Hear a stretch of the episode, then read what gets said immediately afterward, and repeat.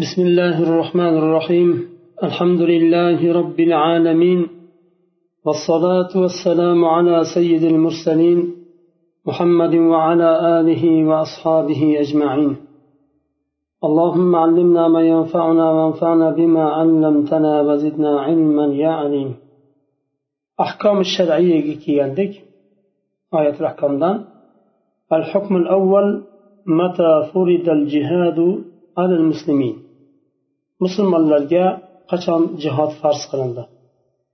لم يختلف العلماء في أن القتال قبل الهجرة كان محظورا على المسلمين بنصوص كثيرة في كتاب الله تعالى منها قوله تعالى فاعف عنهم واصفح وقوله ادفع بالتي هي أحسن وقوله فإن تولوا فإنما عليك البلاغ وقوله قل للذين آمنوا يغفروا للذين لا يرجون أيام الله وقوله وإذا خاطبكم الجاهلون خاطبهم الجاهلون قالوا سلاما olimlar hijratdan oldin jang man qilingan ekaniga musulmonlarga ixtilof qilishmaydi bu to'g'risida qur'onda bir qancha oyatlar nozil bo'lgan. Alloh taolo qur'onda aytyapti kechirimli bo'lishni buyuryapti. Kechiring ularni. Ya'ni bu bir muddat alloh taolo ularni jang qilishdan qaytardi va kechirimli bo'lishga buyurdi. Chunki holat shuni taqozo qilardi. Musulmonlar hali u darajaga chiqmagan edi. Yomonligiga qarshisiga yaxshilik bilan javob berishga alloh taolo buyuryapti. Balki hidoyatga kelib qolar.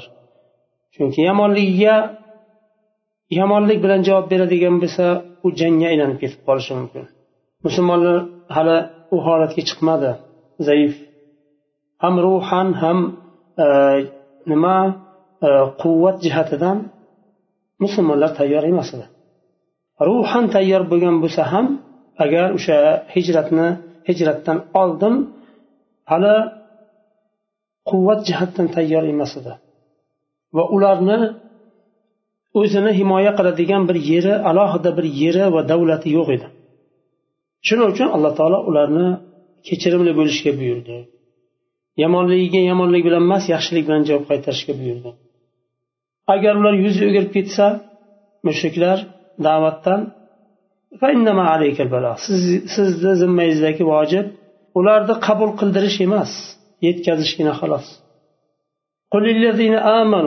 mo'minlarga ayting ey muhammad alayhissalom. allohga yo'liqadigan kundan umidi bo'lmaganlarni ularga nisbatan kechirimli bo'lsinlar. Agar boshqa oyatda yana agar ularga johillar muxotob bo'lsalar ular salom deydilar ya'ni gaplashmaydilar burilib ketadilar bunga o'xshagan oyatlar nima qur'onda ko'p musulmonlarni sabrga chaqirgan kechirimli bo'lishga chaqirgan va dushmanlariga qarshi jang qilishdan qaytargan oyatlar ko'p وهناك نص صريح بالكف عن القتال وهو قوله تعالى ألم تر إلى الذين قيل لهم كفوا أيديكم وأقيموا الصلاة وآتوا الزكاة فلما كتب عليهم القتال إذا فريق منهم يخشون الناس jangdan o'zlarini tiyishga chaqirgan ochiq oyatlar ham bor alloh taolo aytyapti ko'rmaysizmi alloh taolo ularga qo'llaringni tiyinglar degandi jangdan qo'llaringni tiyinglar degandi chunki hali vaqti emas edi namozni qoyim qilinglar zakotni beringlar degandi undan keyin ularga qachon alloh taolo jangni farz qilganda ular odamlardan qo'rqdilar ya'ni bir firqa odamlardan qo'rqdi u degani hammasi emas bir firqa روى ابن جرير بسند عن ابن عباس قال إن عبد الرحمن بن عوف وأصحابا له أتوا النبي صلى الله عليه وسلم. فقالوا يا رسول الله كنا في عز ونحن مشركون. فلما آمنا صرنا أذلة. فقال عليه السلام إني أمرت بالعفو فلا تقاتلوا. فلما حوله الله إلى المدينة أمر بالقتال فكفوا. فأنزل الله تبارك وتعالى ألم تر إلى الذين قيل لهم كفوا أيديكم؟ ibn ibn jaruri tabariy ibn abbos roziyallohu anhudan rivoyat qiladilar. Abdurahmon ibn avf roziyallohu anhu ba'zi bir do'stlari bilan rasululloh sollallohu alayhi vasallamni yonlariga keladilar. Va aytadilarki ya rasululloh biz mushrik bo'lganimizda aziz edik. Iymon keltirdikda xo'r bo'ldikku deydi. Shunda rasululloh alayhi vasallam aytadilar men sizlarni avf qilishga buyurdim jang qilmanglar. Ya'ni iymon keltirib xo'r bo'ldik degani ularga nisbatan mushriklar haqorat qilyapti azoblayapti har turli aziyatlarni beryapti. Biz xor bo'ldik javob berolmayapmiz ularga kerakli javobni. Deganda rasululloh alayhi vasallam aytdilar men sizlarga avf qilishni buyurdim. jang qilmanglar ularga qarshi alloh taolo ularni madinaga o'tkazgandan keyin jang qilishga buyurildilar shunda ba'zilari o'zlarini jangdan tiydi alloh taolo shu oyatni nozil qildi yuqoridagi والحكمة في الكف عن القتال في بدء الدعوة يمكن أن تتلخص أسبابها فيما يلي nima uchun alloh taolo musulmonlarni jangdan tiyilishga chaqirdi buyurdi u sabablari bor quyida mana keltiryapti shayx rahmaulloh birinchisi innal muslimina kanu في مكة قلة وهم محصورون فيها لا حول لهم ولا طول ولو وقع بينهم وبين المشركين حرب أو قتال لأبادوهم عن بكرة أبيهم فشاء الله أن يكثروا وأن يكون لهم أنصار وأعوان وأن يرتكزوا على قاعدة آمنة تحميها الدولة. فلما هاجروا إلى المدينة المنورة أذن لهم بالقتال أذن لهم بالقتال بعد أن قويت شوكتهم وكثر عددهم. musulmonlar makkada adadlari oz edi va ular har tarafdan o'ralgan edi hamma tarafi mushriklar va qudratlari quvvatlari ularni cheklangan edi. Agar mushriklar bilan ularni o'rtasida musulmonlarni o'rtasida bir biror narsa bo'ladigan bo'lsa jang mushriklar ularni oxirigacha yo'qotib yuborishi mumkin edi. O'rab olib. Alloh taolo ularni ko'payishini istadi. Nima uchun sabrga buyurdi jangdan tiyilishga chaqirdi? Chunki ularni adadlari ko'payib quvvatlanishini istadi. Va boshqa qabilalardan ansorlar chiqib ular kuchlanishini istadi. Va ular davlat himoyasini ostida himoyalangan bir qoidaga asoslanishini istadi alloh taolo. Chunki ularni bir asosi bir nimasi asliy bir yeri bo'lishi kerak edi. Jang qilgandan keyin qaytib himoyalanadigan bir yeri bo'lishi kerak. madina munavvaraga hijrat qilganlaridan keyin alloh taolo ularga jang qilishga izn berdi chunki o'sha oldin bo'lmagan quvvat madinaga ko'chganlaridan keyin bo'ldi ikkinchi sababini aytyaptilar كانت الغاية تدريب النفوس المؤمنة نفوس المؤمنين على الصبر امتثالا للأمر وخصوصا للقيادة وانتظارا للإذن وقد كان العرب في الجاهلية شديدي الحماس لا يصبرون على الضيم وقد تعودوا الاندفاع والحماسة والخفة للقتال عند أول داع فكان لابد من تمرينهم على تحمل الأذى والصبر على المكاره والخضوع لأمر القيادة العليا حتى يقع التوازن بين الاندفاع والتروي.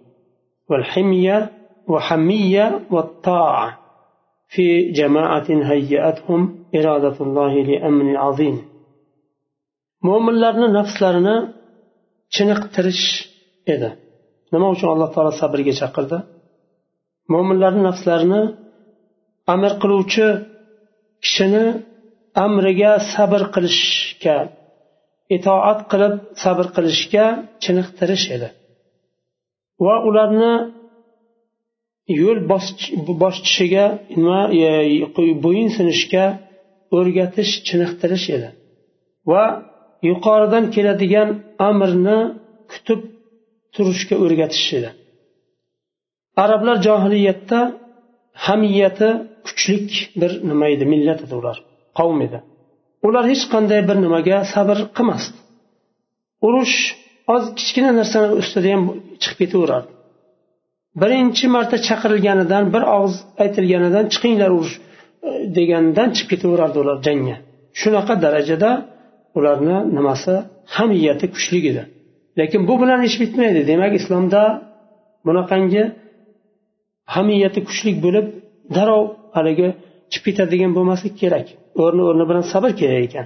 Har qanday kuchlik bo'lgan vaqtda o'zlari kuchli bo'lgan vaqtida ham ba'zida sabr kerak bo'ladi va bu musulmonlar uchun bir chiniqish bo'ldi tamrin bo'ldi hamiyat bilan shoshmasdan sabr bilan harakat qilishni o'rtasida توازن bo'ldi bu uchinchi sababi البيئة العربية كانت بيئة نخوة ونجدة وكان صبر المسلمين على الأذى وفيهم الأبطال الشجعان الذين يستطيعون أن يردوا الصاع صاعين مما يثير النخوة ويحرك القلوب نحو الإسلام. وحصل هذا بالفعل في المحاصرة في الشعب. عندما أجمعت قريش على مقاطعة بني هاشم كي يتخلوا عن حماية الرسول صلى الله عليه وسلم واشتد الاضطهاد على بني هاشم. ثارت نفوس لم تؤمن بالإسلام. أخذتها النخوة والنجدة حتى مزقوا الصحيفة التي تعاهد فيها المشركين مشركون على المقاطعة وانتهى ذلك الحصار المشؤوم. لردا oldin izzat nafs bor edi johiliyat davrida. Va shijoat qo'rqmaslik bor dovyuraylik va ozor berayotganlarga qarshi sabr qilishlik. Ularni ichlarida qahramonlar bo'lib turib dovyurak eskidan jang qilish bilan tanilgan pahlavonlar bo'lib turib ular arzini haligi nima deydi o'zlaridan ko'ra zaif insonlarni aziyatiga sabr qilib turishlari bu ular uchun bir odatlanilmagan bir narsa edi.